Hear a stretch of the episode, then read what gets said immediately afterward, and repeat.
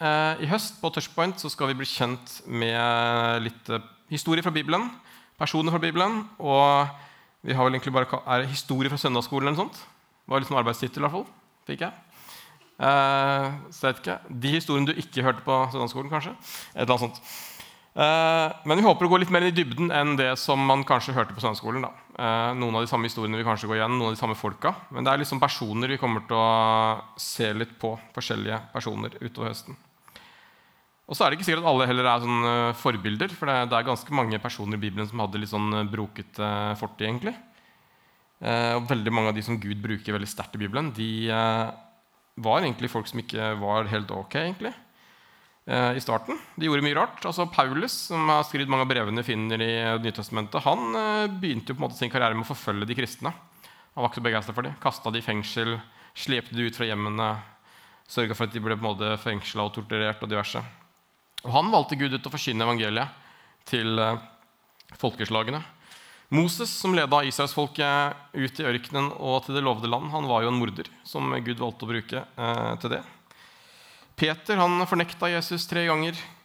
Og så ble han allikevel eh, leder i den første kristne menigheten. Og vi kunne fortsatt, vi kunne fortsatt. Men den gode nyheten med det er jo at eh, det viser jo bare at Gud kan bruke alle mennesker.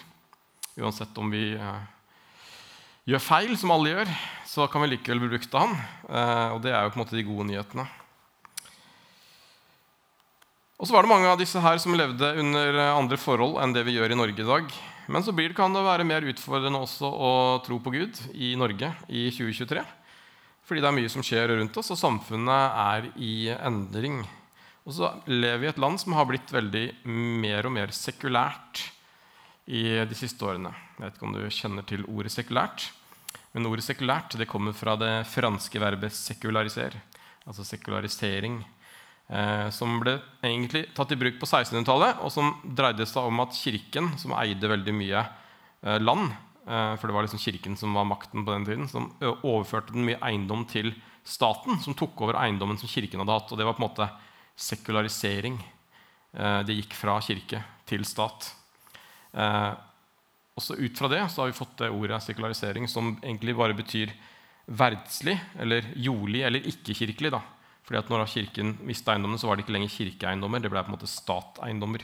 Så det fra kirke til stat, det er egentlig sekularisering handler om. Så en sekular stat er en stat som på en måte ikke har noen statsreligion, hvor kirka står eh, lavere stilt.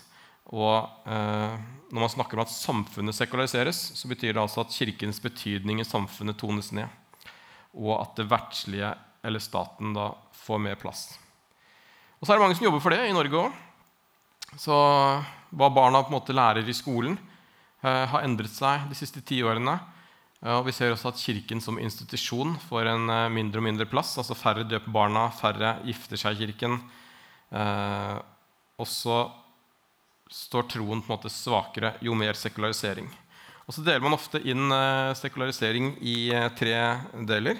Du har på en måte offentlig sekularisering, som handler om som sagt, at statsreligionen forsvinner. Vi har ikke lenger på en måte statskirken og kirken som indisk har ha sagt. Uh, og at alt skal liksom likestilles. Alle religioner skal likestilles. Kristendommen har på en måte ikke den samme uh, plassen i Norge som den har hatt. Det er liksom den offentlige sekulariseringen. Så har du individsekulariseringen, som handler om at eh, mennesker blir mindre og mindre kanskje opptatt av eh, tro og åndelige spørsmål. eh, og det å gå i kirke og disse tingene her. Og så har du religionens sekularisering, som handler om at kirkene påvirkes av en sekulær verden, og at kirkene på en måte blir mer politisk korrekt. Og at eh, kanskje absolutte sannheter rokkes ved, og at Bibelen eh, blir mer og mer åpen for tolkninger, og at ting blir litt mer flytende. Så det er liksom de tre. Og så sitter du sikkert og lurer på hvorfor snakker du om sekularisering. Eh, Skulle du ikke snakke om en eller annen eh, person- og søndagsskolefortelling? Jo, det skal vi. Men det her eh, er liksom et lite bakteppe som vi skal ha, for det passer også med den historien som vi skal se på i dag. Og en av de favoritthistoriene jeg husker jeg lærte på søndagsskolen, det var Daniel i løvehulen. Noen som har hørt den? Ja, veldig bra. Da kanskje det er noen som har gått på søndagsskolen her òg. Det er gøy. Eh, Daniel han møter vi i en bok i eh, Bibelen som heter Daniel. Så det er lett å huske. Eh, naturlig nok. Så vi skal se litt på boken Daniel og lære litt om Daniel. Eh, og Før han kommer til løvehyllen, så er det bare sånn litt sånn background fra kapittel 1. Da var det en konge der som het Nebukadnesar, som sa til Aspenas, hoffsjefen, at han skulle hente noen israelitter som var av kongeett eller fornem familie, som skulle på en måte tjenestegjøre ved kongelige hoffet. Det skulle være unge gutter som var uten feil på kroppen og vakre å se til, kyndige i all slags visdom, kunnskapsrike og lærende skikket til å gjøre tjeneste i kongeslott. Det var sikkert mange å ta der, eh, men de fant i hvert fall en gjeng. Eh, og de ble tatt inn til hoffet, og det var bl.a. Daniel. Han ble tatt inn sammen med tre venner, Hananya, Mishael og Asarya. står det. Og så bestemte kongen at de som ble tatt inn til hoffet, de skulle hver dag spise maten og drikke vin fra kongens bord. Og så fikk de noen nye navn. Eh, så Hoffsjefen han ga de noen sånne eh, som passa der. Så Daniel han ble egentlig kalt for Beltzazar, og Hananya ble kalt Shadrach, Mishal ble kalt Meshach, og Asharia ble kalt Abednego. Det er ikke så veldig viktig men de bare fikk noen nye navn. Så hvis du har hørt om Shadrach, Mishal, Meshach og Abednego, så var det egentlig ikke det de het. De bare fikk de navnene. Uansett, det som skjedde var at eh, Daniel når han fikk beskjed om at de skulle spise hver dag av drikke fra kongens bord, så bestemte han seg for at han ikke ville gjøre seg uren med maten og vinen fra kongens bord. står det i vers 8 i kapittel 1. Han ba hoffsjefen om å slippe å gjøre seg uren, for ifølge deres på en måte, eh, eh, lovbud så skulle de ikke gjøre seg urene ved å spise den maten. Eh, og så står det at Gud lot hoffsjefen få godhet og velvilje for Daniel. Men så sa han jeg frykter at kongen, som har bestemt hva dere skal spise og drikke, og kongens ord var lov, skal synes at dere kanskje ikke ser så friske ut som de andre guttene på deres alder. hvis ikke dere spiser det. Og Da blir kanskje jeg liksom anklaga av kongen, og da setter dere mitt liv i fare. Uh, men da sa Daniel til han at uh, prøv oss i ti dager. liksom. Gi oss bare grønnsaker å spise og vann å drikke. Og så kan du sammenligne vårt utseende med de andre etter ti dager og se om vi på en måte ser eh, dårligere ut. liksom. Og Så hørte han på de, og så prøvde de i ti dager. Og så sto det at da de ti dagene var gått, viste det seg at de så bedre og sunnere ut enn de guttene som hadde spist av maten ved kongens bord. Så lot oppsynsmannen dem slippe den maten og vinen og ga dem grønnsaker. Amen? Nei, det var ingen som var på den. Ingen vegetarianere, kanskje? Nei, altså det her er ikke, ikke, reklame for å bli vegetarianer, selv om de ble sunnere av å spise grønnsaker. Men poenget er at Daniel allerede fra starten her eh, fremstår som en mann som tør å stå for noe. Så når han på en måte visste at eh, ifølge den troa mi så skal jeg ikke spise den maten som de setter fram, og så tør han å stå for det, og så sier han at la meg slippe.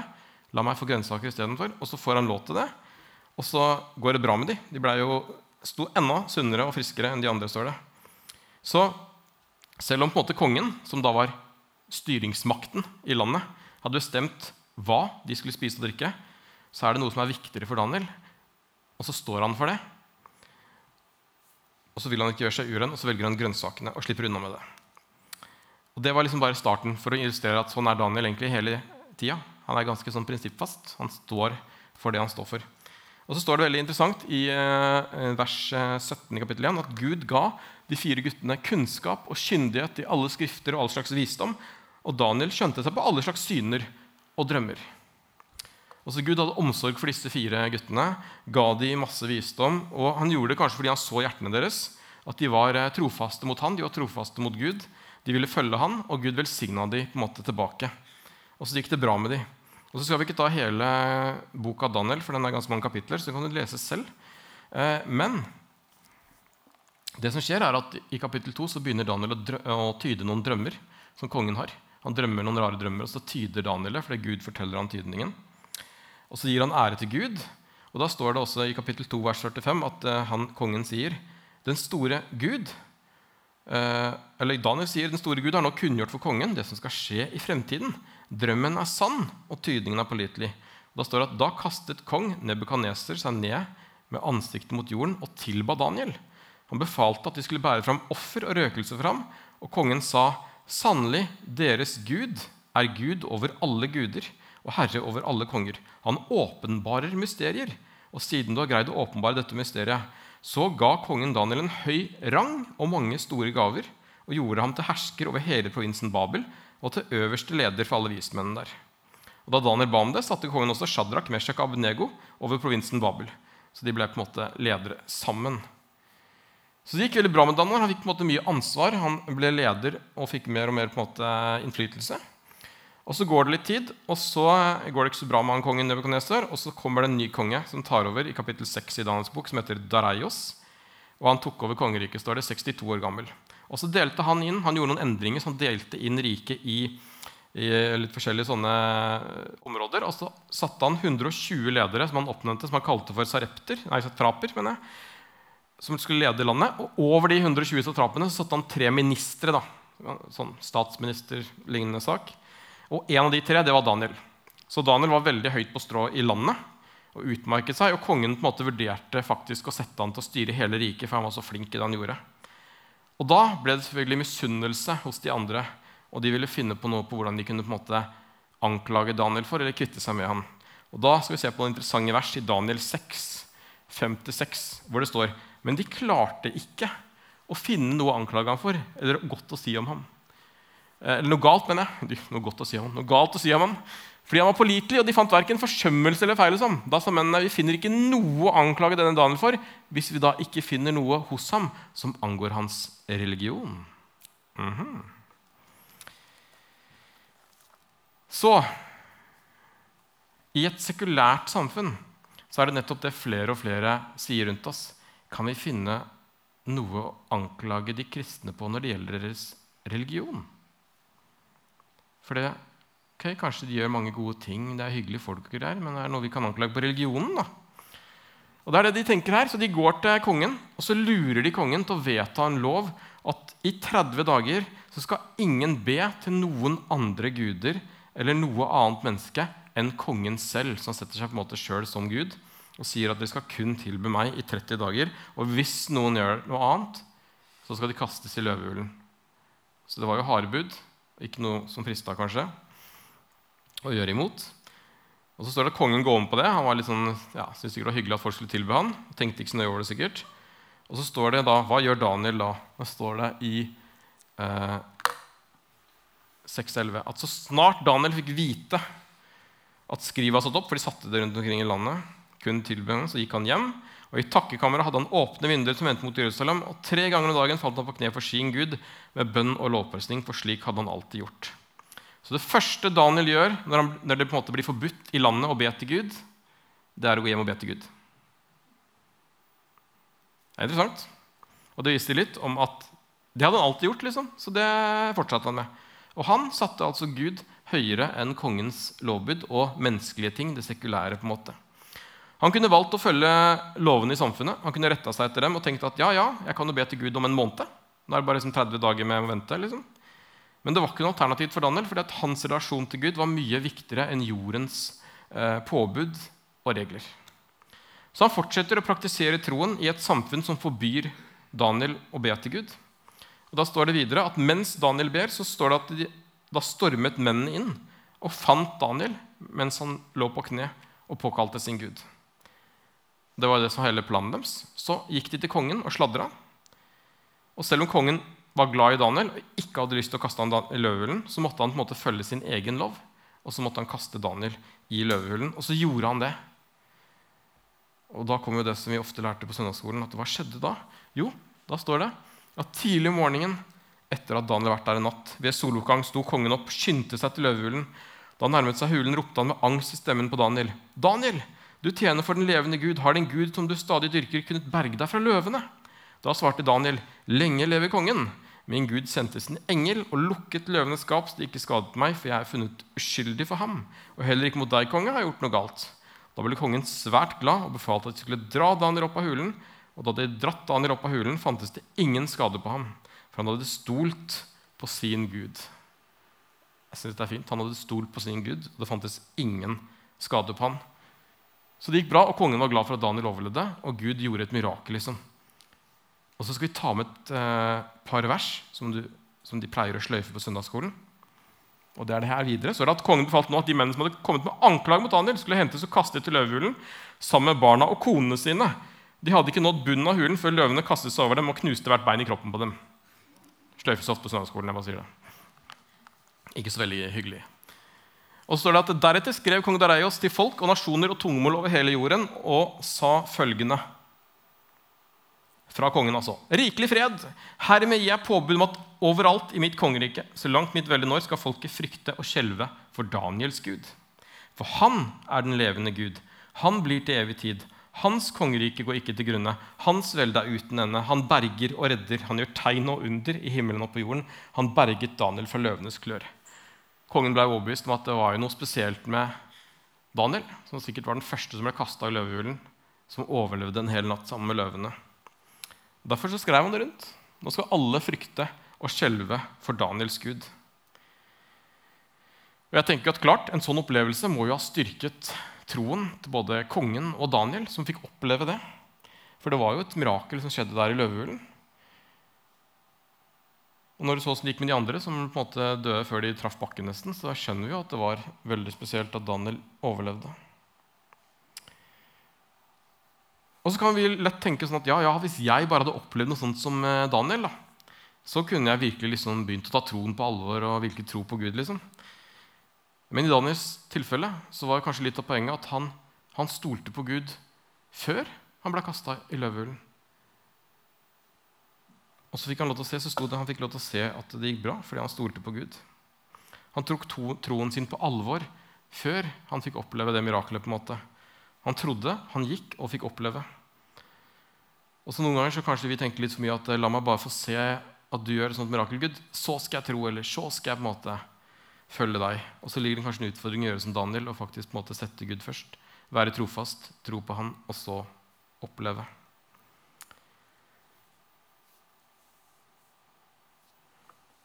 Og så gikk det jo dårlig med de som anklaga Daniel. Altså, de ville jo egentlig kvitte seg med Daniel, og så skjedde det egentlig det at kongen på en måte innførte nesten på en måte kristendommen som statsreligion i hele landet der.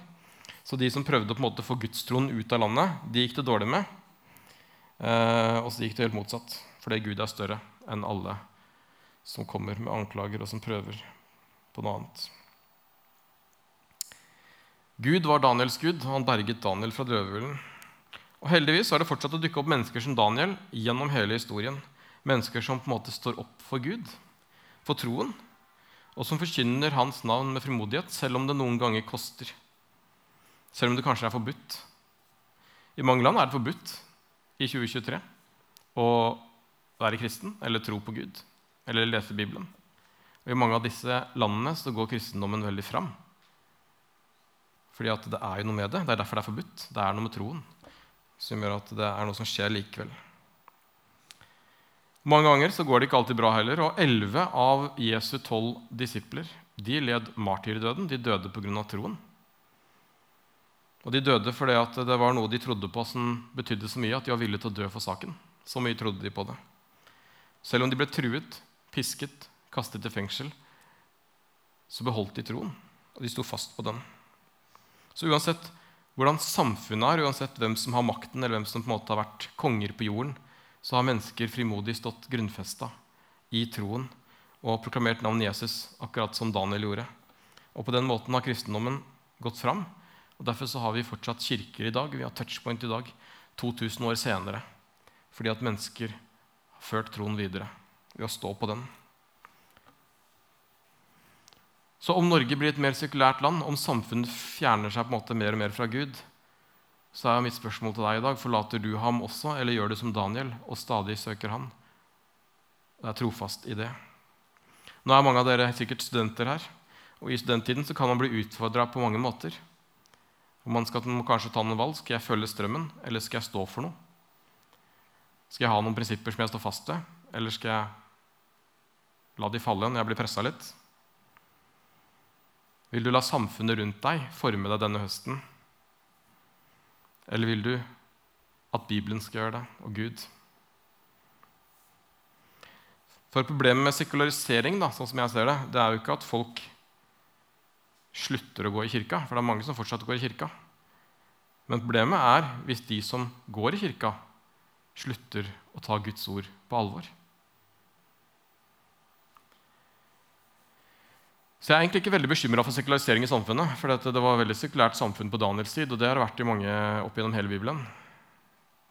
Men jeg er mer bekymra for at de som er Jesu etterfølgere, blir sekularisert.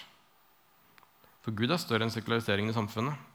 Og Vi kan høre hva Paulus advarer om i Rombrevet 12,2. sier han, Innrett dere ikke etter den nåværende verden, men la dere forvandle ved at sinnet fornyes, så dere kan dømme om hva som er Guds vilje, det gode, det som er til glede for Gud, det fullkomne. Og det som er interessant, er at Når vi leser det i dag, så tenker vi på det som noe som passer til oss i dag. Men Paulus skrev jo ikke det her til oss i 2023, egentlig. Men han skrev det til de første kristne. Ikke lenge etter at Jesus døde. Og poenget er at De første disiplene de levde heller ikke i noen kristen stat. Det var heller tvert om. De ble forfulgt for sin tro. Det var ikke lett å være kristen i år 60. Men allikevel sier kristendommen fram i høyt tempo. Og så skriver Paulus det her da, i år 60. Innrikt dere ikke etter den nåværende verden, men la dere forvandle at sinnet fornyes. Og så passer det til oss også i dag. Og sånn vil det alltid være, tror jeg. Vil det alltid være et valg om å ikke innrette seg etter verden, men å velge Gud. I år 60, i år 1100, i år 1500, i år 2023. Samme valget. Endrer seg ikke. En som heter Magnus Malv han skrev en bok eh, for noen år siden som heter 'Som om Gud ikke finnes. Hva skjer når livet sekulariseres?' Og I den boken så skriver han en utfordring til de som kaller seg for etterfølgere Jesus. Og så sier han ja, det er den boka, 'Som om Gud ikke finnes'. Hva skjer livsløs? Veldig bra bok. Anbefales. Eh, men han skriver bl.a. i den boka det er ikke den kritiserte troen som sekulariserer oss. Det er den ikke praktiserte troen. Det er den bønnen jeg ikke ber. Det er de bibeltekstene jeg ikke vender tilbake til. Det er den gudstjenesten jeg ikke deltar i. Det er alle de områdene av verden som unntas fra et kristent perspektiv. Det er de gangene jeg ikke reflekterer over hva en ny livserfaring kan lære meg om Gud. Det er de rådene og formaningene fra eldre og mer erfarne kristne jeg bare trekker på skuldrene av og videre. Det er de erfaringene av Guds nærvær jeg ikke lenger tar på alvor og til slutt ikke husker. Det er de bøkene av Kirkens historiske mødre og fedre jeg ikke gidder å lese. Og Når troen på denne måten har blitt sultet ut gjennom langvarig beleiring, er den til sist et lett bytte for den sekulariseringen vi kanskje best kan beskrive som mainstream. Eller med Jesu ord jeg går ikke lenger på den smale veien der få mennesker går, men på den brede, der de fleste går skriver Malm i boka. Selv om vi i 2023 ikke har løvehuler som Daniel, heldigvis, så er kanskje vår tids type løvehule frykten for å bli sett litt rart på, bli utestengt eller bli hengt ut i media eller sosiale medier. Og så kanskje vi dysser ned troen litt for ikke å være annerledes eller skille oss ut. Men så er jo poenget sånn som det var for Daniel også, at det å være en etterfølger av Jesus det er nettopp å skille seg ut. Det er nettopp å være litt annerledes, for det var det Jesus var.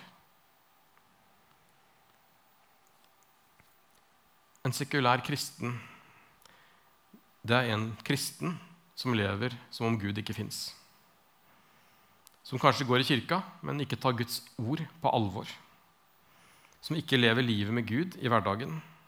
Og som han skrev, det er bønnene vi ikke ber. Det er de samtalene om tro som vi ikke tar med mennesker i vår nærhet. Og det er den Bibelen vi ikke leser. Og Det er egentlig en større grunn til bekymring enn at samfunnet rundt oss endrer seg.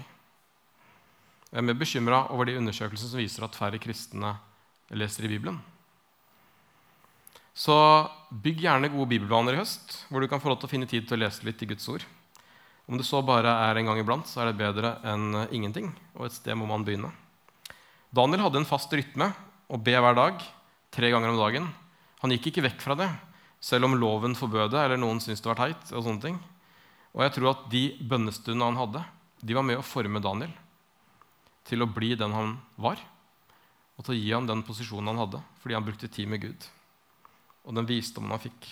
Han var avhengig av Guds kraft i sitt liv og det å bruke tid med Gud i hverdagen. Så ta vare på de gode vanene denne høsten, sånn som Daniel gjorde. Eh, gå på touchpoint eller på gudstjenester. Be. Les Bibelen. Prøv å bygge gode vaner også midt i en travel hverdag med studier, med jobb, med det dere står i. Og så har jeg lyst til å bare anbefale en liten PR til. Hvis du er en som trenger liksom faste rammer og sånn drahjelp, så vil jeg virkelig anbefale at uh, i høst så kjører vi et nytt uh, alfakurs i Grimstad misjonskirke. Det hadde vært veldig gøy om vi ble en god gjeng med studenter og unge voksne òg. Så det står gjerne, ta gjerne med en brosjyre etterpå. Det ligger ute på bordet i gangen ved den spørsmålstegnet der ute. Jeg kommer til å stå der etter møtet hvis noen lurer på noe alfakurs. Uh, det er kanskje ikke alle som har hørt om alfakurs, men det er altså ti kvelder, ti onsdager i høst om kristen tro. Begynner onsdag 13.9. Halv åtte til halv ti. To timer, ti onsdagskvelder så er vi ferdig i slutten av november. Da er det god kveldsmat først. Så er det en bolk med undervisning eh, om sentrale temaer i kristentro, som på en måte hvem er Jesus, hvordan kan jeg tro, eh, hvorfor og hvordan kan jeg lese Bibelen, hvordan leder Gud oss, helbreder Gud i dag, osv. Eh, og så er det samtale i grupper på slutten av dagen, som ofte gir folk veldig mye, for man får snakka om troen.